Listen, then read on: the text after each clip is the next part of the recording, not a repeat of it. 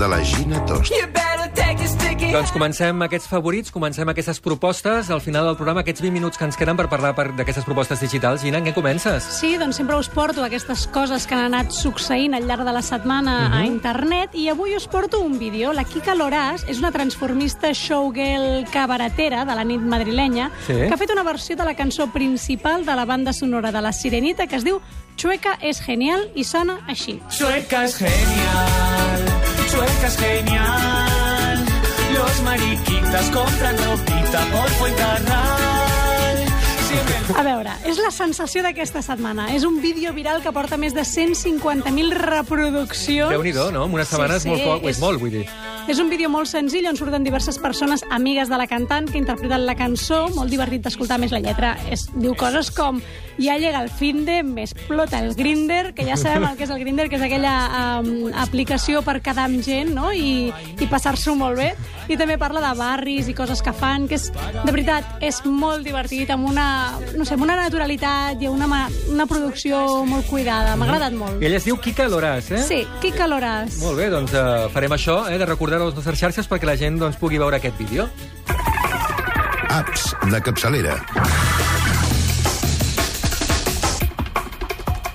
Pau Font, uh, les apps de capçalera i la primera uh, de músics, eh? Atenció, atenció, músics del món o gent que toqueu la guitarra, eh? Atenció, atenció. Posem la música, posem la música, ja veureu. Aquesta app, aquesta app, eh, si toqueu la guitarra, el piano o l'ukulele, aquesta app és per vosaltres. Es diu Jammen Player for Musicians. Eh? Jammen, eh? M-A-N, eh? Jammen, Molt ja, J-A-M-N, eh? Jammen. En tenen vàries, aquesta és la de uh, Player. A veure, faré una prèvia pels que no sou músics, eh? O no hi esteu avasats, diguéssim. Eh? Una cançó, una cançó de forma general, té una melodia. Sí. Una melodia, perquè ens entenguem, és la tonada de la cançó, eh? la veu o l'instrument solista. Vaja, la lletra que cantem als karaokes. Correcte. Sí? Ens situem? Sí. Val. I per l'altra banda té l'acompanyament, o sigui, la base instrumental que dona forma a la cançó. Eh? Aquest acompanyament doncs, pot ser rítmic, percussió, bateria, o melòdic, més melòdic, guitarra, piano, etc. Eh, que no s'enfadi cap músic, perquè és una explicació molt bàsica. Eh? Sí, sí, sí, ho hem entès clar molt o no? bé. Sí, sí, Val, bé. fantàsticament. Doncs quan els que toqueu una guitarra o un piano volem tocar una cançó acompanyant una, una guitarra, eh? dir, va, cantem i jo toco la guitarra, eh, necessitem saber els acords. Sí. Mm? Els acords, recordem que són un conjunt de notes tocades al mateix temps, eh? simultàniament, més d'una, eh? Mhm. Sí. Eh, com si preméssim diferents tecles d'un piano. Correcte. Molt bé. Uh, si, no, si no fem l'acord que toca, no, no sonarà Sona bé, no? una altra melodia. Ah, aquí està. Molt bé, ens situem. Doncs... M'agrada perquè has notat tant que has estat a- en animació, en el món de l'animació, sí, sí. Pau. Va, en tot cas, què passa quan volem tocar una cançó que no sabem? Podem intentar inventar-nos-la o podem buscar els acords. A on? Doncs en cançoners, aquests mítics cançoners, o llibres, o per internet, ja ho tenim. Uh Mhm. -huh. Però, esclar, si no trobem la, els acords d'aquella cançó o, o no tenim ganes de buscar, què fem? Clar. Doncs aquesta és l'app que necessiteu, eh? Uh, el que fa el Jam Player for Musicians és que triem una cançó de la nostra llibreria o de lo que sigui del món, la que sigui del món. Fins i tot si és nostra, que no la coneix de res i no és comercial, que això és un gran punt de l'aplicació, l'analitza i ens mostra els acords que és Oh! i ens surt una franja tipus karaoke que ens va eh, canviant l'acord, diguéssim, eh? O sigui, ens surt quan, toca canviar, que canviar. L'únic problema que té és que està en notació americana, diguéssim. Ah, Aquí fem do, re, mi, fa, sol, la, si, sí. i a Amèrica fan A, B, C, D, F, G. En fi, Ja hi ha moltes eh, escoles d'aquí que fan... Uh, fem Sí. servir això i no hi ha problema, no? Però diguéssim que et surt ja tot convertit. Però és indiferent a l'instrument que toquis o et diu no, no, és només per Al final et, guitarra? et, surt, et surt a baix una barreta tipus karaoke amb els acords i a dalt una guitarra amb la posició de la mà Ah, pels acords piano o ukelele. Ah, molt bé. Per mi, per l'ukelele, m'anirà molt bé, eh? Està molt bé, eh? I pots pujar-la allò... I llavors la pots transposar. Exacte, això. El que pots fer és que a vegades, a veure, és bastant fiable, eh? Jo, eh, no em feu cas de les, de les recomanacions que hi ha a l'App Store. Eh, ho dic, normalment no ho dic No, això. no, per perquè això en tenim aquí. N'hi ha cinc, Sí. que són molt poques, i totes super negatives. I, que no va bé la cançó, que no reconeix. Jo ho he provat molt, a full, amb temes meus que no coneix ningú al món, i m'encerta els acords. Molt bé, A partir que- d'aquí pot haver algun error i vosaltres podeu modificar aquell acord que està malament. Molt bé. Molt pràctic, de Sí, veritat. sí, sí, és, és molt útil. Eh? Pues- Sí, la llàstima és que és només per iOS. És la pena, però els que teniu iOS amb un iPad o així, doncs uh, uh, pot funcionar. És gratuïta. Molt bé, El doncs. Player for Musicians. Fantàstic. La finestra dispersa. I Comencem la finestra eh, dispersa parlant de còmics, eh, però d'autors i de les seves xarxes socials. Sí, senyor. Francesc. Doncs sí, perquè mira, aquesta setmana ha sortit eh, publicada al web La Guia del Còmic un article sobre els 40 autors de còmic més seguits a Twitter uh -huh. a, ca a casa nostra, al nostre país. I llavors m'hi he entretingut a donar un cop d'ull. Però és que, a més, m'agradaria aprofitar, doncs, ja que estem aquí acompanyats encara d'en Busquets, d'un autor de còmic, uh -huh. doncs demanar-li dues coses. Una, que ens fes un petit dibuix, no? perquè tots els autors que entrevisto m'agrada que, que ens Molt facin bé. un dibuix. Que l'està fent en aquests moments, que l'està eh? fent en aquest moment i penjarem fotografies a la nostra xarxa social. Mhm. I parlant de xarxa social, m'agradaria saber com, com gestiones uh, la teva xarxa social. És personal, és professional, barreges les dos... Em, bueno, de forma molt poc professional, perquè ho barrejo tot, no? De vegades em donen rampells i et dones compte de que tens que enfocar algunes coses o que tindries que promocionar millor algunes coses, però és mig-mig. O sigui, vaig intentar fer una pàgina... Vaig començar amb un perfil meu propi. Sí. Llavors allà vaig afegint amics, em van afegint gent, em van afegint altres dibuixants, lectors, el qui sigui, i llavors vaig intentar un moment donat, dic, hosti, igual, igual seria millor tenir una pàgina que pot, és, més, és millor, no?, perquè pots veure les visites que tens, Mhm. l'impacte que té, bueno, si et fies de Facebook i de, de tot això, no? Però, clar, en aquell moment ja canviar-ho tot pues, era massa, no? I vaig, vaig fer una pàgina i la vaig, no vaig, tampoc soc d'anar enviant invitacions a tothom perquè s'apunti, no? Jo soc anti-spam, no m'agrada anar, enviant massa, no? No vols agobiar la gent. No vull agobiar, no? Com aquella gent que fa una portada del seu còmic i t'etiqueta tu que no tens res que veure amb aquell còmic. No és una cosa que dius, per què? Crees l'efecte contrari, no? Sí. No tenir gens ganes de mirar allò, no? Llavors, com no vaig enviar, la vaig deixar allà i no té més que uns quatre gats que es van apuntar. Llavors, és la pàgina personal que és mig personal, mig mig professional. És molt professional perquè estic tot el dia ficant el que faig i com no paro, doncs... Ets força molta- actiu, això eh? això ho, ho hem vist. Llavors, tot el que re- les ressenyes vaig posant, vaig posant, i el Twitter més o menys igual. Barratges també, el Twitter. Ara estic bastant amb Twitter ficant coses, però a ratxes el deixes o... La veritat és que gairebé tots els autors que hem vist, a vegades amb, amb la gent famosa, no? allò que veus que els semblen que estan portats per community managers, Sí. o, no, o els tenen perquè els han de tenir però no hi fa molt de cas.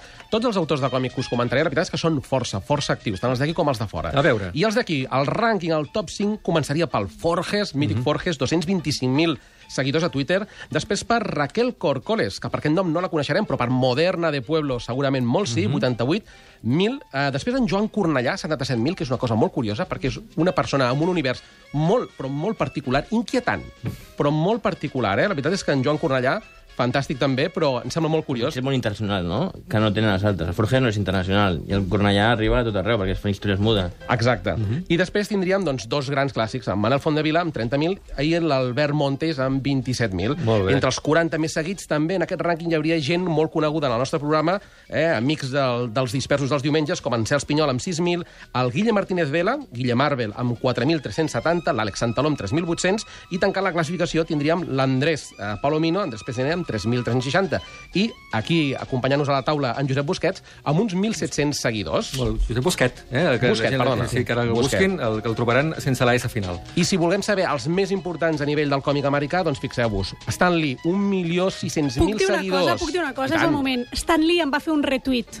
Què dius perquè ara? vaig fer una, una review de l'aplicació aquella de Verticus, Sí, que estava basada exacte. en un còmic seu, de l'Stan Lee, el vaig etiquetar allà, ei, i tal, i va fer retweet, o sigui, atenció, i va ser el meu gran moment, vaig fer una captura de pantalla Un i senyor tot. molt, molt, però molt actiu, eh? Molt actiu. Ha fet samarretes ara pel seu aniversari, les ven, fa de tot. Després tindríem en Todd McFarlane, després tindríem en Warren Ellis, gran guionista, després tindríem en Robert Kirkman i, per últim, l'Scott McCloud, eh, amb 360.000 seguidors, que seria ja el, aquest top 5 dels autors de còmic més seguits als I Estats tu, Units. tu creus que és un bon, uh, és un bon mètode per seguir l'obra de tots aquests uh, artistes? Absolutament, sí? perquè ja et dic, la majoria són molt personals i són molt actius a Twitter.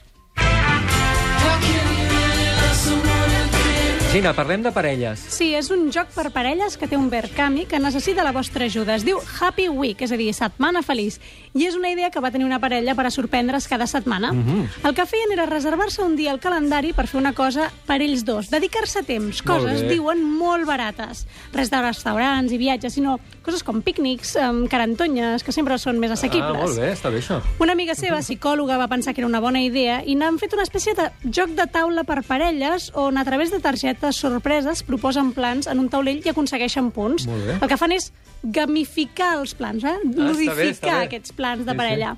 El Verkami ja fa temps que l'han aconseguit. Volien 5.000 euros i en porten gairebé 10.000. De fet, jo personalment els he recolzat i n'he comprat un i ja us diré què Ah, tal. molt bé. Però a mi el que m'ha agradat no és tant el joc com que el disseny és preciós. Està fet amb una tècnica que es diu letterpress, que, és, eh, que tenen relleu, i, i és molt bonic, amb una bossa així com reciclada. És molt bonic. I el vídeo on ells exposen la idea està molt ben explicat, molt natural i m'ha agradat molt. Sí, Saps? sí, no, Sense es nota, sí, es nota que no és gent entrepreneur, no? És No, no, gent que, sense pretensions de, escolta, hem fet això perquè a nosaltres ens funcionava i pot ser que a tu també et funcioni. Exacte, i creuen, que és l'important.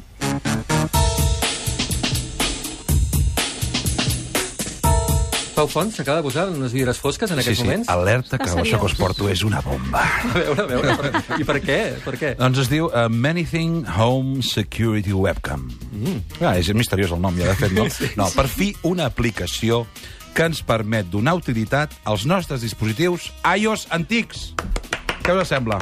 Jo no he aplaudit, no aplaudeixo. No aplaudeixis, en eh? Perquè no en tens. Segur que en tens algun antic, sí, home. Tinc, no, tinc... Alguna època vas tenir fosca? No, tinc un, no un iPhone, una, allò que va sortir abans de l'iPhone. iPod vols Touch. dir? Sí, Bueno, sí, molt sí. bé. El Touch, el Touch, exacte. Doncs aquest no serveix. No. doncs, doncs perquè traieu la pols als iPhones 3G, allò que teniu antic, uh, doncs uh, Manything és un sistema de càmeres de seguretat per la vostra llar, o per allà on vulgueu, uh -huh. amb control remot. Llavors, us explico. Instal·lem l'aplicació a tots els dispositius eh?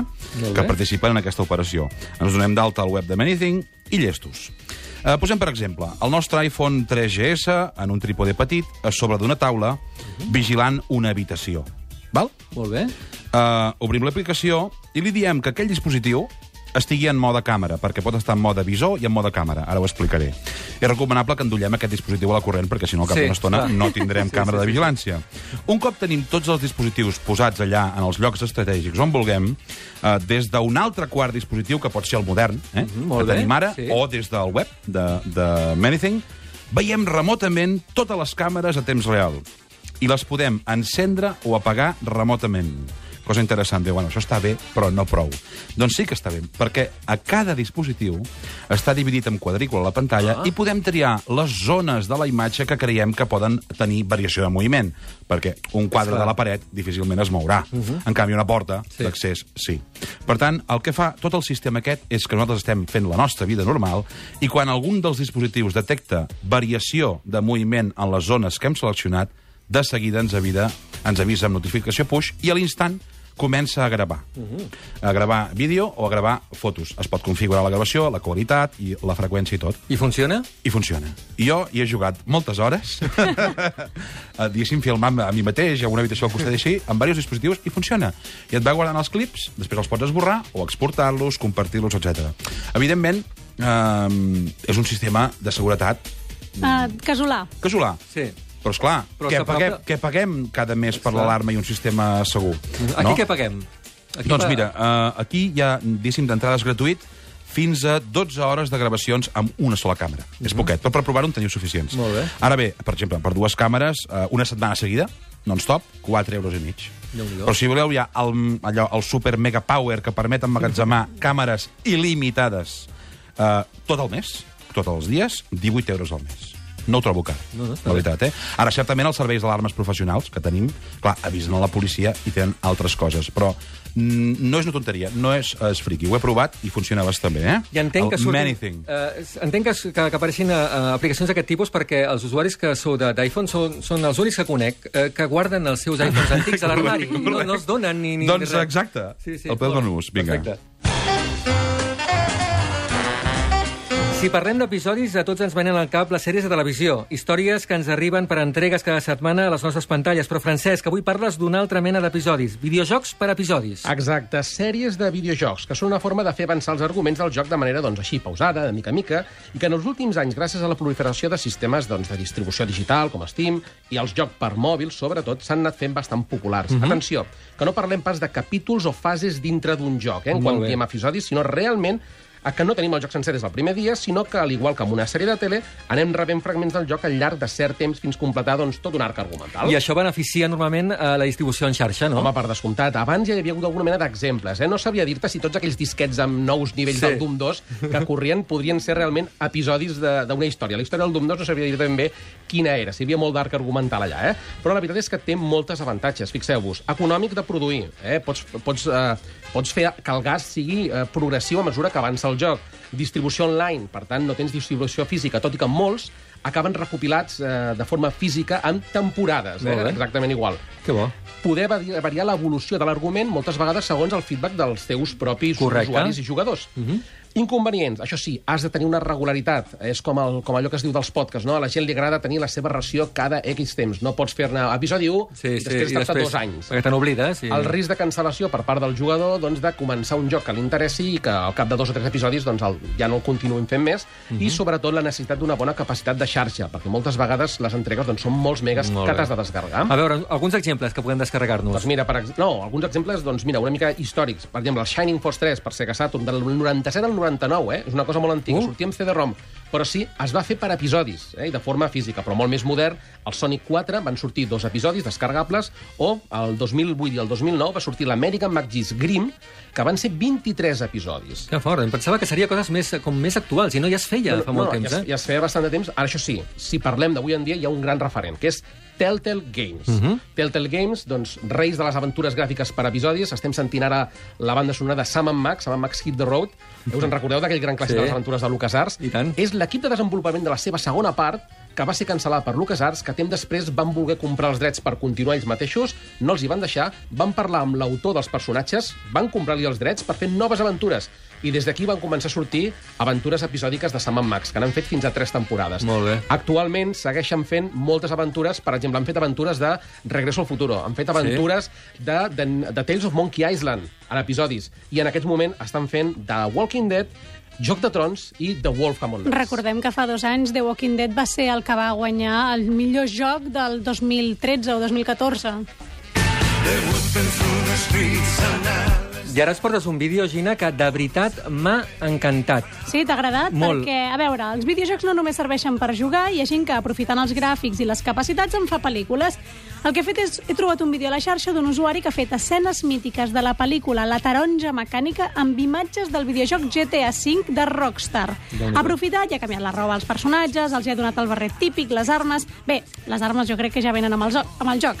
I si us agraden les pel·lícules de Kubrick i sou fans de la saga Grand Theft Auto, no us podeu perdre aquest vídeo. És uh, espectacular. Això és una mica com els machinimes, eh? allò Sí. que dèiem, eh?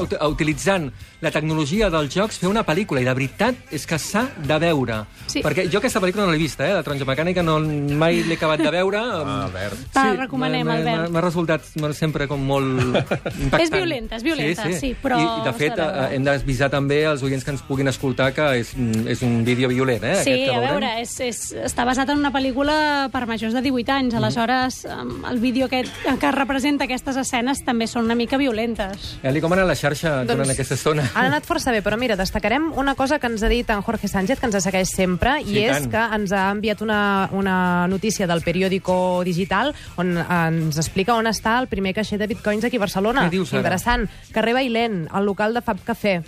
Ah, mira, allà on tenen les impressores apuntem 3D. i cap allà que anem. No, no, no. al costat de Gigamés. Per tant, Doncs fantàstic. Ah. encara millor, mira, escolta, s'ha de fer davant. A ruta. buscar el còmic de les bitcoins. I tant. Doncs certament eh, ho farem i el que he dit, eh? O sigui, tot allò que he dit abans, que aniré al caixer, que compraré, això ho faré i ho explicarem, ho intentarem explicar-ho per antena, perquè, perquè jo crec que és molt interessant. Ens queden coses pendents, hauran de ser la setmana vinent, de les nostres propostes digitals, perquè d'aquí res ens n'anem.